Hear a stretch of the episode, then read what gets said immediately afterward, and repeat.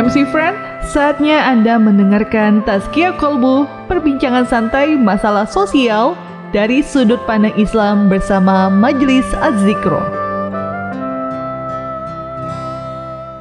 Assalamualaikum warahmatullahi wabarakatuh. Hai selamat sore MC Friend di mana pun anda berada. Senang banget pastinya hari ini Kinca Bakti Kembali lagi menemani kamu tentunya di Taskia Kalbu ya Ya pastinya hari ini Kinca nggak bakti nggak sendiri MC Friend Kinca Bakti bersama salah satu ustadz dari Majelis Azikro yang sudah hadir di podcast ya Assalamualaikum Ustadz Waalaikumsalam Apa kabar Ustadz? Alhamdulillah baik.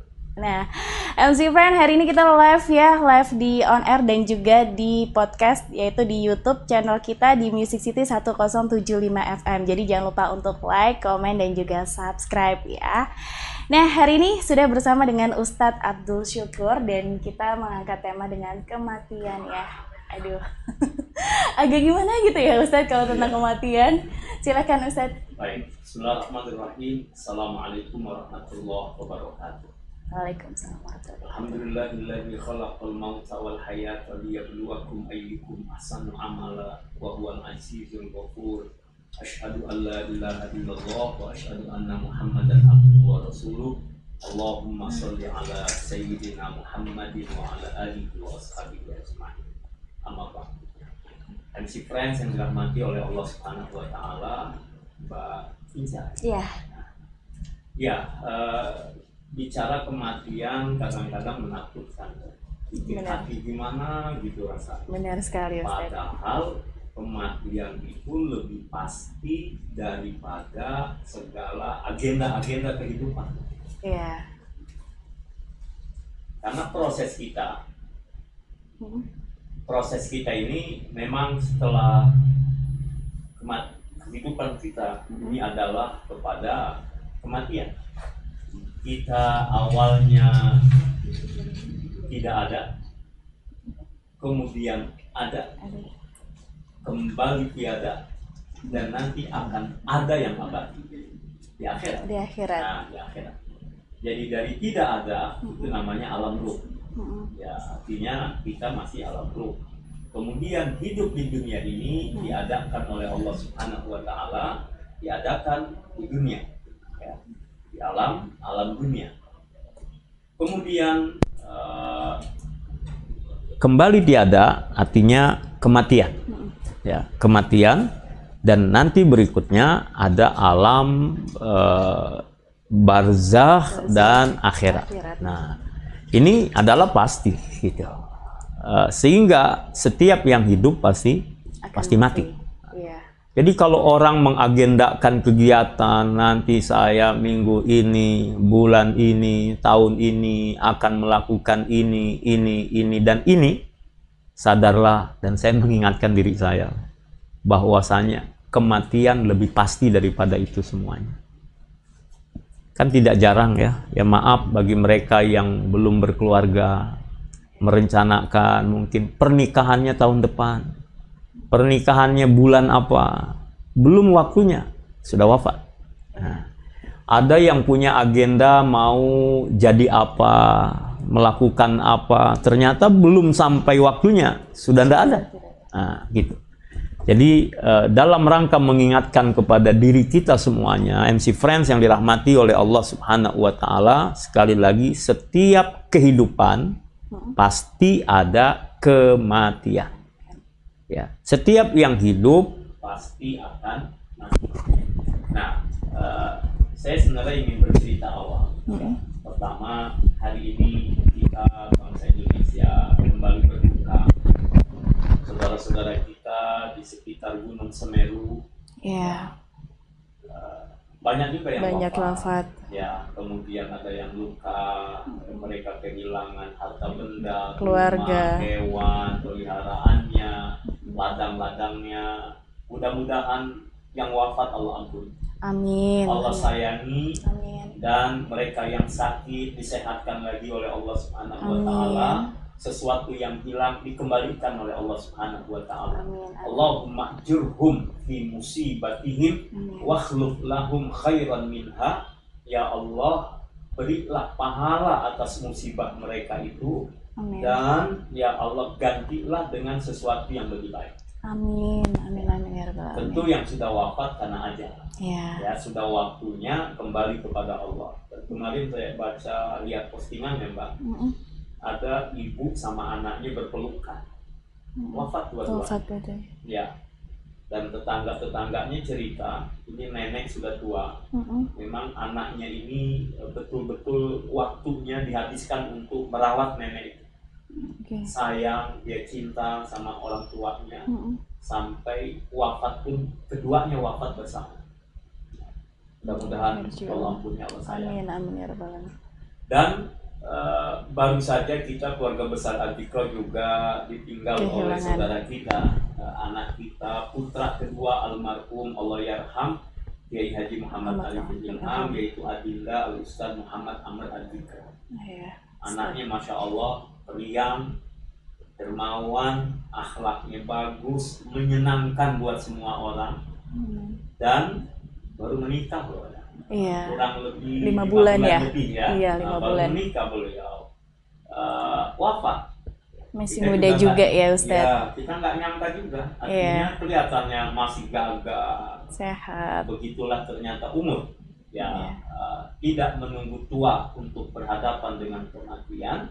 Juga sebenarnya tanpa sakit pun kalau ajal sudah datang bisa saja orang wafat.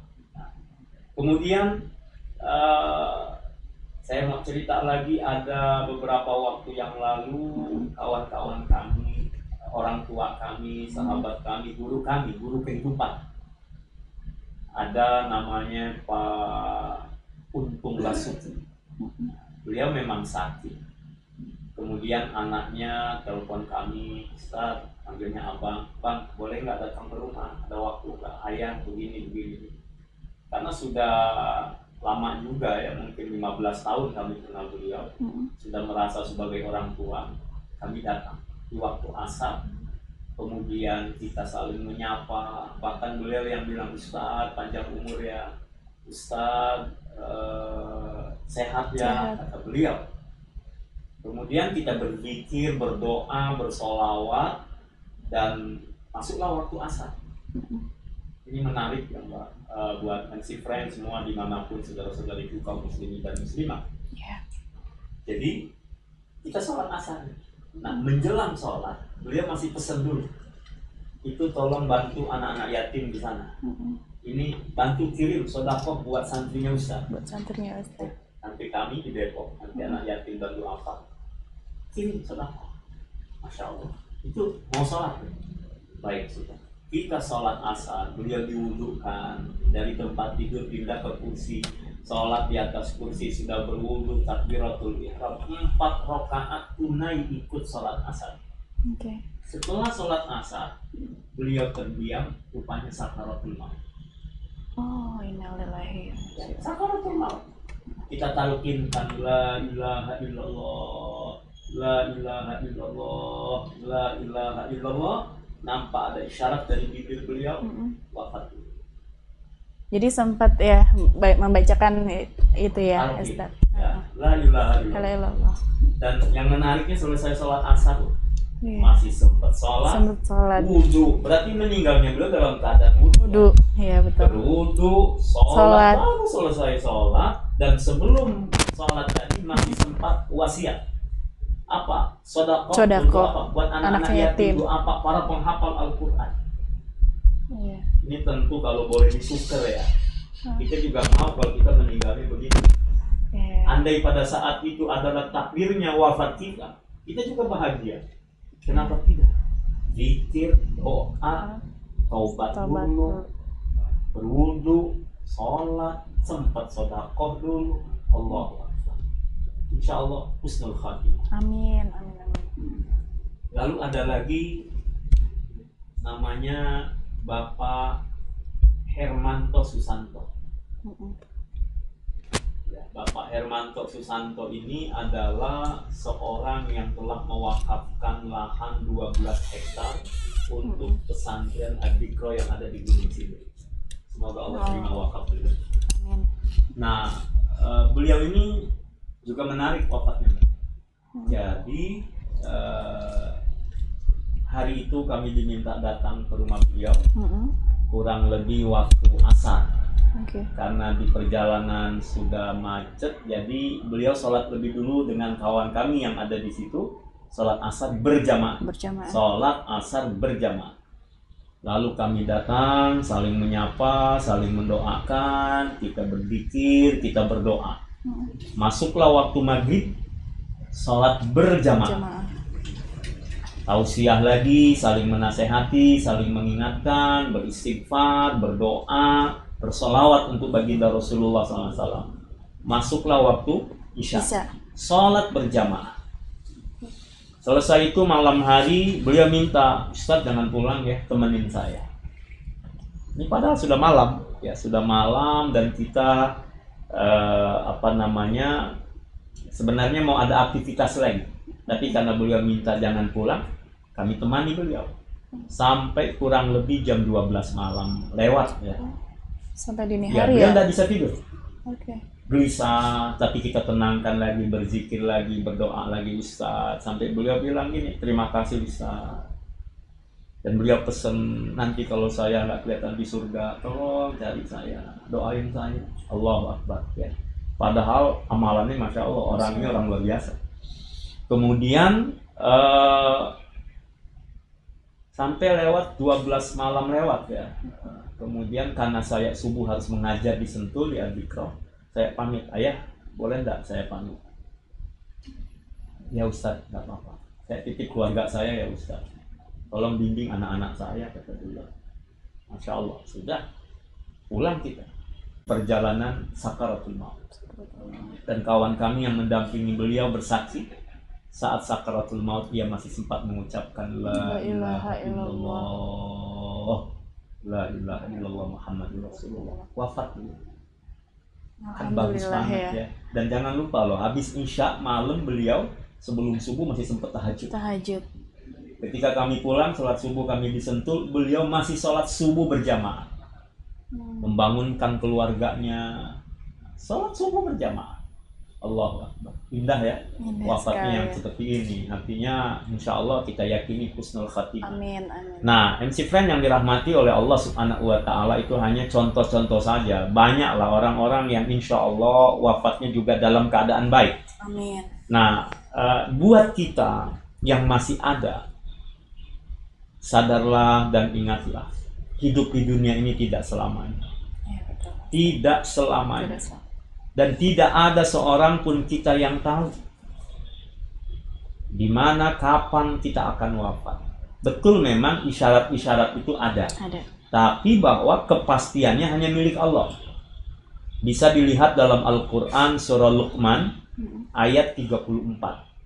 Di mana Allah Subhanahu wa taala mengingatkan kepada kita sebagaimana sabda Rasulullah sallallahu alaihi wasallam, "Mafatihul ghaibi khamsun." Kunci-kunci yang gaib itu ada lima Ada. lima. Lalu Rasulullah membacakan ayat ini. A'udzubillahi minasyaitonirrajim. Innallaha indahu ilmus sa'ah wa yunazzilul ghaith fil arham wa ma tadri nafsum madza taksibu ghada wa ma tadri nafsum bi ayyi ardin tamut innallaha alimun khabir ini lima kunci gaib. Pertama, innallaha indahu ilmu sa'ah. Di sisi Allah pengetahuan tentang kiamat. Nah, kapan di- eh, terjadinya kiamat hanya Allah yang Hanya tahu. Allah yang La yujalliha liwaqtiha illa huwa. Kita ini hanya mendapatkan pengetahuan ciri-ciri tanda-tanda kiamat. Kiamat. Itu pun berdasarkan petunjuk Rasulullah. Nggak bisa ngarang-ngarang. Iya, betul. Ya, satu. Yang kedua wa yunazzilu al ya Allah yang menurunkan hujan. Memang sih biasanya ada tanda-tanda mendung, Mendung. tapi juga tidak selamanya Mendung itu hujan. mendung itu hujan. Ya. Kadang panas sekali, turun juga hujan. hujan. Iya, betul. Hashtag. Kalau dulu di Depok ada istilah maaf ya, Cina berebut sambal. Oh, gitu. Sekarang Cina berebut saham. ya, eh, hujan bisa eh, saat panas, Panas, bisa hujan. hujan. juga. Kemudian eh, ketika debit air hujan itu turun Hmm. berapa banyak kemudian terhentikan atau aneh juga kan ini satu wilayah sebelah sini hujan sebelah sini kan enggak Enggak, iya. Nah, kemudian hujan tuh kok bisa kayak bergeser ke tempat lain? Yakinlah, hanya Allah, Allah yang yang melakukan. Kalaupun ada istilah orang berdoa meminta kepada Allah, doa. That's it, doa, ya. Bukan kemampuan manusia. Nggak ada kesaktian manusia bisa nahan, bisa mindai. Iya. Yang ada adalah Allah Subhanahu wa taala. Wa ya'lamu ma fil arham berikutnya yang ketiga Allah yang tahu apa yang ada di rahim. Kadang-kadang orang miskin maaf ya, uangnya tidak banyak, tapi sering hamil. Hmm, Ada iya. orang kaya, uangnya banyak. uangnya banyak, tidak hamil-hamil. Hamil. Takdir Allah Subhanahu wa taala. Tapi yang saya maksud adalah berikutnya. Orang boleh tahu apa yang ada di perut di rahim seorang wanita. Sekarang kan sudah canggih, ilmu pengetahuan teknologi bisa mendeteksi Iya. jenis kelamin, posisinya seperti apa, ada cacat kah, atau apa saja bisa dideteksi. Tapi siapa yang bisa membaca nasib? Iya. Siapa yang tahu masa depan dari si jabang bayi itu? Hanya Allah. Nah, yang ketiga, yang keempat, wa mata di nafsu mada taksibu goda. Kita tidak ada yang tahu apa yang akan kita usahakan esok. Ya, kita kan hanya merencanakan, melakukan, mengevaluasi, ya kan? Tapi kenyataan tentang apa yang kita lakukan hanya Allah yang tahu tentang kita kan. Siapa yang nyangka hari ini beliau yang sering ada di toko sekarang menjadi pemilik toko. Iya. Yang di toko maksudnya kerja. Kerja. Siapa yang tahu dulu dia adalah anak petani. Sekarang sudah punya lahan begitu banyak dan dia menjadi juragan besar. Iya. Sekarang duduk di parlemen, yang sekarang duduk di istana, di mana pun. Allah Subhanahu wa taala menentukan nasib dan masa depan seseorang. Lalu yang kelima ini, wa ma tadri nafsum bi ayyi ardin tamut dan tidak ada orang yang tahu di mana dia akan wafat. Iya. Di mana dia akan Wafat. isyarat ada atau kita suka mengatakan juga oh iya kemarin dia ngomong nanti saya akan dimakamkan di sini katanya nanti kira-kira berapa hari lagi dia akan wafat Wafat. Ini kalau udah kejadian Kali- kan oh ya. iya kemarin dia ngomong mana ada orang ngomong saya kayaknya mau wafat oh iya ya kamu benar mau wafat stres dia gitu kan artinya bahwa Mm. memang ajal adalah rahasia Allah. Orang sakit separah apa pun, kalau belum ajal, insya Allah dia masih ada peluang buat sehat. Jadi kalau belum waktunya ya. Belum waktunya. Orang kemudian kecelakaan, Ya, Wah, kecelakaan. mobilnya terbalik, salto, oh diri lagi tuh, seolah tidak ada apa-apa. Iya. Saya pembalap-pembalap. Ya memang sih dia pakai apa namanya alat pelindung ya. pelindung. Alat pelindung itu kan ikhtiar saja. Wong kalau memang kejadian kalau sudah ya rusak. Tapi ternyata apa? Allah menakdirkan kalau belum ajal ya belum. Nah, begitulah ikhwas semua yang dimuliakan oleh Allah Subhanahu wa taala. Keyakinan kita, iya, ajal itu pasti datang. Bicara tentang kapan, di mana dengan cara apa, Allah punya rencana dan Allah punya takdir. Maka buat kita adalah orang yang sudah tahu pasti akan wafat, hendaklah mempersiapkan diri dengan sebaik-baiknya. Ya, ini yang insya Allah kita akan bahas MC Friends, bagaimana persiapan kita tentang wafat kita. Baiklah MC Frank, jangan ke mana-mana, ceritanya sangat menarik sekali. Untuk itu, stay tune terus di MC Podcast.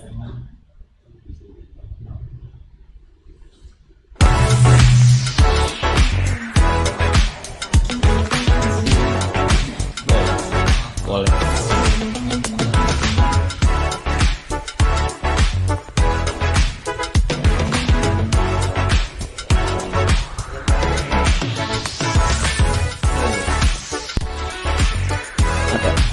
Tadi di awal nggak masuk.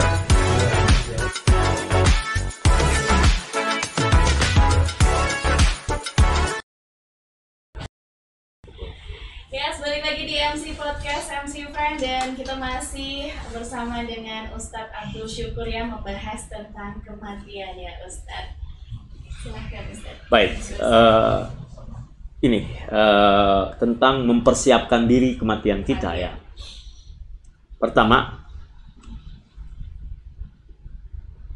karena kita paham dan yakin akan mati, ya tentu butuh persiapan. Persiapannya apa? Ini Imam Hasan Al Basri mengatakan begini. Ini peringatan ya. Imam Hasan Al Basri mengatakan, "Man arafal mauta hanat alaihi masaibud dunya." Siapa yang paham, siapa yang mengetahui tentang hakikat kematian, maka niscaya musibah-musibah dunia terasa ringan baginya. Kan ada orang yang merasa begini, waduh beban hidupnya, gelisah, banyak masalah, nggak tenang, ya kan? Eh, entah urusan uh, rumah tangga, urusan hubungan sosialnya, urusan ekonomi, pekerjaan dan sebagainya. Ini kadang-kadang merasa beban berat. Sampai ada yang tidak tahan, bunuh diri, ya kan? Ada yang merasa hidup sudah hampa, nggak ada manis-manisnya. Ternyata man arafal mauta hanat alaihi masaibu dunya. Kalau orang tahu kematian, niscaya mereka itu tidak akan merasa sesuatu yang lebih besar daripada kematian. Jangan dikira kematian itu ringan. Rasulullah Muhammad SAW ketika ruh itu dicabut berkeringat sampai minta kepada Allah supaya umatnya diringankan dalam menghadapi sakaratul maut. Saking beratnya maka sampai Rasulullah minta kepada Allah Subhanahu wa taala nanti supaya umatnya diringankan dalam menghadapi sakaratul maut. Itu Rasulullah. Ya, kita Rasul bukan, dibilang soleh juga masih jauh. Jangan nekat-nekat lah dengan kematian. Nah, yang katanya uh, ada cerita tentang Nabi Idris alaihi salam. Nabi Idris alaihi salam pernah juga pengen tahu kayak apa sih kematian ketika malakul maut datang kepadanya beliau pengen tahu bagaimana kematian minta dicabut sebentar rohnya lalu katakanlah dikembalikan lagi ternyata seperti apa seperti batang pohon ketika itu ada batang-batang ada cabang-cabang ada tali pengikat setiap sendi-sendi tubuh kita diikat ditarik-tarik begitu dahsyat apa nggak sakit sekarang kalau kuku kita dicabut, ya kan rambut kita dicabut, gigi kita dicabut, itu saja rasanya sudah luar biasa. Gimana persendian yang halus itu kemudian tercabik-cabik begitu dahsyatnya sakaratul maut. Maka kita mohon kepada Allah Subhanahu wa taala, Allahumma hawin alaina fi sakaratul maut. Ya Allah ringankan kami dalam menghadapi sakaratul maut. Ini berat. Maka sebenarnya musibah-musibah di dunia ini tidak lebih dahsyat dibandingkan dengan kematian. Walaupun ada yang kelakar juga dulu ya. Ada orang katanya selalu bawa foto istrinya. Ini kelakar loh mbak ya. Nah, jadi ada masalah, dia buka dompetnya, lihat foto istrinya, senyum lagi. Enteng itu masalah. Nanti ketemu masalah lebih besar lagi, Nah, dia lagi lihat foto istrinya, ah kecil itu masalah. Kenapa? Karena rupanya masalah yang lebih besar ya di sini. Iya, itu masalah yang lebih besar di situ katanya. Enggak, itu cerita bohong, ya, cerita bohong. Artinya bahwa kalau orang tahu kematian itu dahsyat, dia nggak main-main dengan kematiannya. Kalau kita tubuh kita yang lemah ini, yang rentan ini terhantam benda keras, maka merasakan sakit tulang-tulang kita ini sakit. Kalau sampai daging-daging kita mengelupas terlepas dari uh, tulang ini sakitnya luar biasa. Bagaimana? Saat ruh lepas dari kita. Nah oleh karena itu perbekalan itu penting. Rasulullah mengingatkan akyasu min ummati aksaruhum dzikral maut wa asyadu isti'dadan lah yang cerdas di antara umatku adalah yang dia mempersiapkan kematian. Ya, mempersiapkan kematiannya. Dengan apa ya? Dengan amal-amal soleh. Tinggal tunduklah kepada Allah, ikut aturan Allah, dan teruslah bersama dengan Allah. Maka para ulama mengajarkan, Imam Ghazali mengajarkan kalau bisa muhasabahlah sebelum tidur ingat-ingat apa yang telah kita lakukan dalam hari-hari kita. Muhasabah nggak usah nungguin akhir tahun, nggak usah nungguin momentum-momentum khusus. Pokoknya setidaknya sekurangnya setiap malam atau setiap hari atau setiap saat gunakan untuk merenung apa yang telah dilakukan oleh mata ini, apa yang dilakukan oleh lisan ini, apa yang telah dilakukan oleh telinga ini, apa yang dilakukan oleh jemari-jemari ini, ke mana kaki kita kita langkahkan. Bukankah Allah mengingatkan dalam Al-Quran surah Yasin? Al-yawma nakhtimu ala afwahihim wa tukallimuna aydihim wa tashhadu arjuluhum bima kanu. Pada saatnya nanti akhirat mulut itu akan dibungkam. Bukan lagi lisan yang bicara, tapi tangan-tangan itu yang akan bicara kaki-kaki itu yang akan bersaksi di hadapan Allah Subhanahu wa taala. Ini nggak bisa lagi bohong, nggak bisa lagi mengasih kabar berita hoax dan sebagainya. Anggota tubuh kita yang berbicara. Anggota tubuh yang bicara. Mereka pelakunya semua. Kan pelaku. Dan tidak ada lagi nanti karena di sana sudah mahkamah. Ya, ya persidangan yang hakiki. Allah sebagai hakimnya. Dan Allah adalah alaihissallahu bi ahkamil hakimi. Bukankah Allah adalah seadil-adilnya hakim? Di dunia mohon maaf mungkin ya. Uh, masih ada aturan-aturan dunia. Tapi di akhirat nggak ada lagi. Semua yang hakiki semua yang sebenar-benarnya. Maka yang kita lakukan hendaklah perbekalan tadi bicara tentang perbekalan ya bekalnya ya apa ya amal soleh melakukan amalan-amalan yang diperintah oleh Allah dan menjauhi apa-apa yang dilarang olehnya. Menarik sekali ya. Dan Ustaz kali ini kita mau baca nih yang udah ingin bertanya dengan Ustaz ya. Dari Aisyah di BSD, apa benar seorang yang telah meninggal rohnya ini masih di sekitar kita sebelum 40 hari? Terus juga dari Dwi Tama Kalidata, gimana sih Ustadz cara kita mempersiapkan diri untuk menghadapi Baik, sejujurnya saya belum pernah membaca, mungkin karena keterbatasan bacaan saya. Misalnya ruh masih ada di sekitar kita sebelum 40 hari. Buat saya sederhana. Ketika ruh dicabut, sudah dia kembali kepada robnya. Dia mau ada di mana itu urusan Allah Subhanahu wa taala dan kita tidak berkepentingan lagi untuk dia ada dekat dengan kita, dia berinteraksi dengan kita karena alamnya sudah berbeda Ya, memang ruh bisa dikembalikan oleh Allah Subhanahu wa taala. Ruh dengan izin Allah Subhanahu wa taala bisa dikembalikan. Artinya contoh ketika ziarah kubur. Ya. Kita ziarah kubur kita mengucapkan salam, maka mereka bisa menjawab salam kita. Kita yakini. Adapun ruh misalnya ada di sekitar kita, boleh jadi. Tapi bahwa keterangan 40 hari ruh masih ada di sekitar kita, Ya jangankan 40 hari, bisa jadi lebih dari 40 hari pun kalau dengan izin Allah bisa terjadi.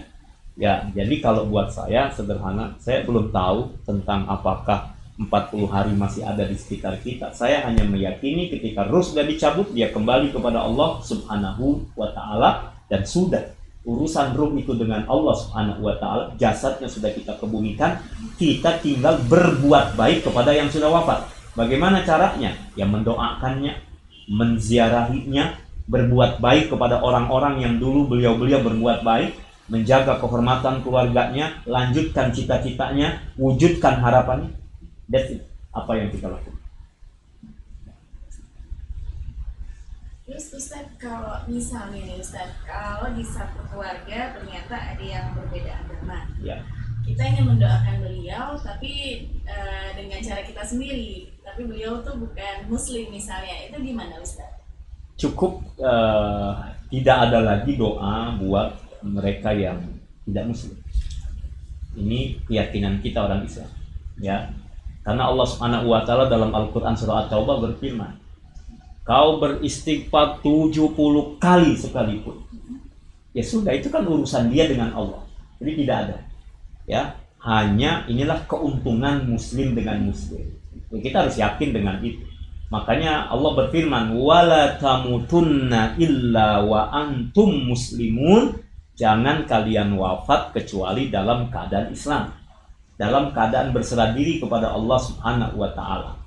Ya, adapun misalnya berbeda agama dalam satu keluarga, mungkin bicara hak adami ya, sebagai hak anak Adam. Tapi urusan sudah bicaranya doa, bicara tentang dia dan Allah kita serahkan kepada Allah Subhanahu wa taala tidak ada. Seorang muslim tidak lagi mendoakan yang non muslim ya tidak lagi kecuali masih masih hidup kita mendoakan semoga mendapatkan hidayah dari Allah Subhanahu wa taala. Tapi kalau sudah wafat sudah kembalikan kepada Allah Subhanahu wa taala kita tidak mendoakannya.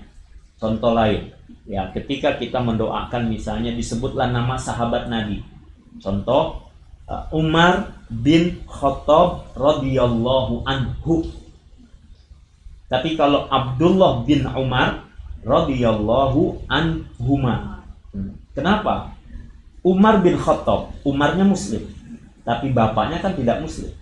Nah, maka didoakan anaknya yang muslim. Radhiyallahu anhu, semoga Allah meridhai Umar.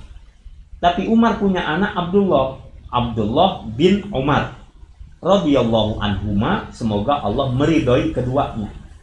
Semoga Allah meridhai Abdullah, semoga Allah meridhai Pak Umar.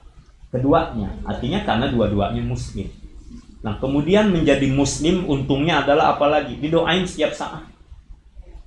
Ya, bahkan sudah wafat. Assalamualaikum ya ahlal diyar, Assalamualaikum ya ahlal kubur, Assalamualaikum darah qaumin mu'minin, antum sabiqun wa nahnu insyaallah bikum laikun. Selamat kalian sejahtera kalian wahai para penghuni kubur. Kalian mendahului kami nanti juga akan menyusul. Ini didoain. Dalam salat kita kan Assalamualaikum ayuhan nabi wa rahmatullah wa barakatuh. Assalamu alaina wa ala ibadillahi salihin. Salam sejahtera untuk kami ya Allah dan untuk hamba-hamba yang soleh. Tentu hamba-hamba yang soleh di sini yang dimaksud adalah hamba-hamba yang soleh yang beriman kepada Allah Subhanahu wa taala. Dalam doa setiap muslim di mana saja Allahumma lil muslimina wal muslimat wal mu'minina wal mu'minat al ahya'i minhum wal amwat ya Allah ampuni yang beriman laki perempuan, yang Islam laki dan perempuan, yang hidup apalagi yang sudah wafat. Didoakan. Yang doanya di Amerika kita di Indonesia dapat. Yang doanya di Australia insya Allah yang di Asia dapat. Di mana saja dapat. Kita berdoa di sini yang di Timur Tengah dapat. Selama dia muslim. Tapi kalau tadi katakan tidak muslim dan dia sudah wafat, tidak ada lagi hak kita untuk meminta kepada Allah Subhanahu wa taala tentang dia. Kenapa? Karena dia telah kembali kepada Allah dan urusan Allah, urusan dia dengan Allah Subhanahu wa taala. Wallahu a'lam Lalu kalau misalnya tentang uh, mati suri nih Ustaz. Iya. Biasanya kan kalau misalnya ada seorang muslim yang mati suri itu uh, diberikan kesempatan kedua atau bagaimana sih Ustaz? Ya, hakikatnya ya belum mati sesungguhnya. Belum waktunya ya. Belum waktunya. Kayak orang tidur loh. Ya. Sekarang apa bedanya mati suri dengan tidur? Kita tidur. Bahkan dalam Al-Qur'an disebutkan ada loh orang tidur yang paling lama. Terlama di dunia mungkin sampai saat ini ya. Disebut dalam Al-Qur'an siapa mereka? Ashabul Kahfi. Ya, Ashabul Kahfi tidur selama 309 tahun. Masya Allah. 309 tahun. Lah ini kan lama sekali. Tapi kemudian kok masih hidup? Bisa hidup lagi? Karena hakikat kematiannya belum tiba. Ya, ruhnya digenggam oleh Allah Subhanahu wa taala tapi dikembalikan dalam Al-Qur'an surah Az-Zumar. Allah Subhanahu wa taala menyatakan ada ruh yang dalam genggaman Allah dikembalikan. Itu orang tidur. Ya mungkin orang mati suri tadi ya. Mati suri itu ya seperti itu seperti orang tidur. Ruhnya digenggam oleh Allah tapi ya belum mati sesungguhnya. Dia kembali lagi. Ya. Lalu ada orang yang ruhnya diambil digenggam oleh Allah artinya diambil dicabut ruhnya tapi kemudian nggak dikembalikan. Itu orang yang mati. Ya kita memang menyebutnya mati suri karena seolah tidak sudah bergerak bergerak lagi seolah kemudian napasnya sudah habis. Menurut kita ya tapi masih ada denyut nadinya tapi kok sudah nggak ada aktivitas seperti orang hidup kan? Ya itulah uh, ya seperti tidur saja. Orang tidur juga demikian ruhnya dalam genggaman Allah Subhanahu wa taala Allah Jadi tentang kehidupan tuh nggak ada yang tahu ya Ustadz. Kita hanya bisa uh, berbekal diri ya. Karena kan kebanyakan mungkin uh, anak muda ataupun orang-orang tuh sukanya uh, ah nanti dulu deh umur saya masih muda. Ya. Suka berpikirannya begitu kan. Ya. Betul. Nah inilah yang uh, kenapa tema kita tentang, Tentang kematian. hari ini tentang kematian. MC Friends yang dirahmati oleh Allah Subhanahu wa taala sekali lagi saya mengingatkan kepada diri saya dan kepada kita semua. Ya. Pertanyaannya bekal apa sih yang udah kita siapkan? Iya. Kita ini kalau mau pergi ke suatu tempat, mau menghadiri acara, ya, kita kan perlu persiapan. Ya, Pakaian aja Pakaian. kostumnya yang mana yang kita harus sesuaikan. betul sekali. Perbekalannya jangan sampai nanti kita katakanlah terlantar, jangan sampai mengalami kesulitan-kesulitan. Gimana dengan acara kematian kita? Bagaimana dengan acara yang ada di dalam kubur? Dan lebih lama loh ya MC Fred. Di alam barzah kita Alam lebih lama barzah. dari hidup di dunia kita ini. Mereka yang sudah wafat seribu tahun lalu sampai sekarang belum kiamat, berarti di alam barzah seribu tahun. Mereka yang sudah wafat 100 tahun lalu di alam barzah, di alam kubur, sampai sekarang belum kiamat, berarti sudah 100 tahun. Tahun. Andai kita wafat hari ini, kiamat masih terjadi, anggaplah seribu tahun lagi, kita akan berada di alam barzah seribu tahun. Terus persiapan kita apa buat di dalam kubur itu? Apakah di dalam kubur nggak ada apa-apa? Orang bilang udahlah kalau saya bunuh diri, kalau sudah mati udah selesai. Itu ya bukan keyakinan kita muslim. Hmm. Sebagai muslim kita punya keyakinan ada loh alam kubur. Ini belum bicara akhirat ya, belum, Belum bicara, bicara kiamat. akhirat. Ada alam kubur. Di antaranya dari mana kita tahu? Ada doa yang diajarkan oleh Nabi saat tasyahud. Sayyidah Aisyah radhiyallahu anha istri Nabi, beliau meriwayatkan eh, Rasulullah SAW bersabda, "Idza tasyahada ahadukum" kalau kalian lagi tasyahud dalam salat kalian, fasta'id billahi min arba. Berlindunglah dari empat perkara. Allahumma inni a'udzubika min adzabi jahannam. Aku berlindung kepada Engkau ya Allah dari siksa api neraka. Wa min adzabil qabri, dari siksa kubur. Wa min fitnatil mahya wal mamati, fitnah kehidupan dan kematian. Wa min syarri fitnatil masihid dajjal dan dari fitnah dajjal. Tadi salah satunya ada eh, azab kubur. Azab kubur. Kalau nggak ada azab kubur, nggak ada dong doa itu. Mm-mm. Buat apa Nabi mengajarkan sesuatu yang nggak ada? Nabi mengajarkan berarti ada. Dan Nabi pernah dikasih tahu oleh malaikat Jibril ada dua orang penghuni kubur yang sedang disiksa. Siapa? Yang pertama adalah orang yang maaf, dia buang air kecil, dia tidak istinja. Oh. Nggak cebok bangsa kita. Buang air kecil nggak cebok. Makanya hati-hati. Yang di pinggir jalan, yang dekat gang, yang dekat ban, ya hati-hati ya. Dan itu laki-laki biasanya ya. Kalau perempuan ada begitu kebangetan benar. Iya. Iya. Ya bahkan yang darurat pun ketika tidak ada air boleh dengan benda-benda yang kasar. Kasar. Ya kan seperti itu. Artinya tetaplah harus istinja. Yang kedua siapa? Eh, orang yang namimah, ngadu domba. Hati-hati nih sekarang. Para buzzer. Ah, Nah ini hati-hati. hati. Ah, yang Apalagi suka kan- hoax. Hoax, ya, apalagi kan bikin- sekarang media sosial banyak banget ya Ustadz yang Iya. buat hoax lah, Ah, fitnah yang sana seperti sini. Itu, itu juga termasuk namimah tuh. Hati-hati ada siksa kubur. gitu ya, Ya, sadarlah wahai para buzzer yang Iya. Anda misalnya hanya membuat gaduh suasana saja, bukan Iya. menenteramkan. Indonesia ini butuh ketenangan, katanya butuh kedamaian. Ayo dong kita bangun Indonesia dengan kondusif. Betul. Nah, Jadi ada alam kubur. jadi diingatkan dengan alam kubur ya alam kubur, ada siksa di kubur. Oke di dunia selamat, di dunia happy happy dapat duit banyak. Hmm. Tapi akhirat gimana? Di Ya, kubur gimana? di kubur. Dan ternyata begitu di, dikasih tahu Rasulullah SAW tentang itu. Nah jadi ada alam kubur, nanti kemudian ada alam, Alam akhirat. akhirat. Dan itu selama lamanya udah nggak balik lagi ke dunia, nggak balik lagi ke kubur. Perjalanan kita, jadi kalau sudah berjalan nggak balik lagi. Maka ingat umur kita berjalan terus, tidak akan kembali lagi. Maka MC Friend yang dirahmati oleh Allah Subhanahu Wa Taala, mari kita siapkan kematian kita dengan sebaik-baiknya. Belajarlah dari kematian orang-orang yang baik yang meraih husnul khatimah Amin. kembalilah kepada petunjuk Allah, Al-Quran, dan Sunnah Rasulullah SAW dan ikuti petunjuk-petunjuk ulama yang berpegang teguh dengan Al-Quran dan Sunnah Rasulullah SAW. Bangunlah ketakwaan dan peganglah baik-baik apa yang Allah ingatkan kepada kita ya ayyuhalladzina amanu taqullaha haqqa tuqatih wa la tamutunna illa wa antum muslimun dan janganlah kalian mati kecuali dalam keadaan Islam dalam keadaan berserah diri kepada Allah Subhanahu wa taala. Amin. Ya. Iya Ustadz ya. Jadi kalau ingat kematian memang buat peringatan buat kita sendiri ya. Karena kan tadi yang Ustadz jelaskan juga kalau eh, kita mati anggota tubuh kita yang berbicara. Demikian Tazkia Kolbu bersama Majelis Az-Zikro hanya di Music City FM.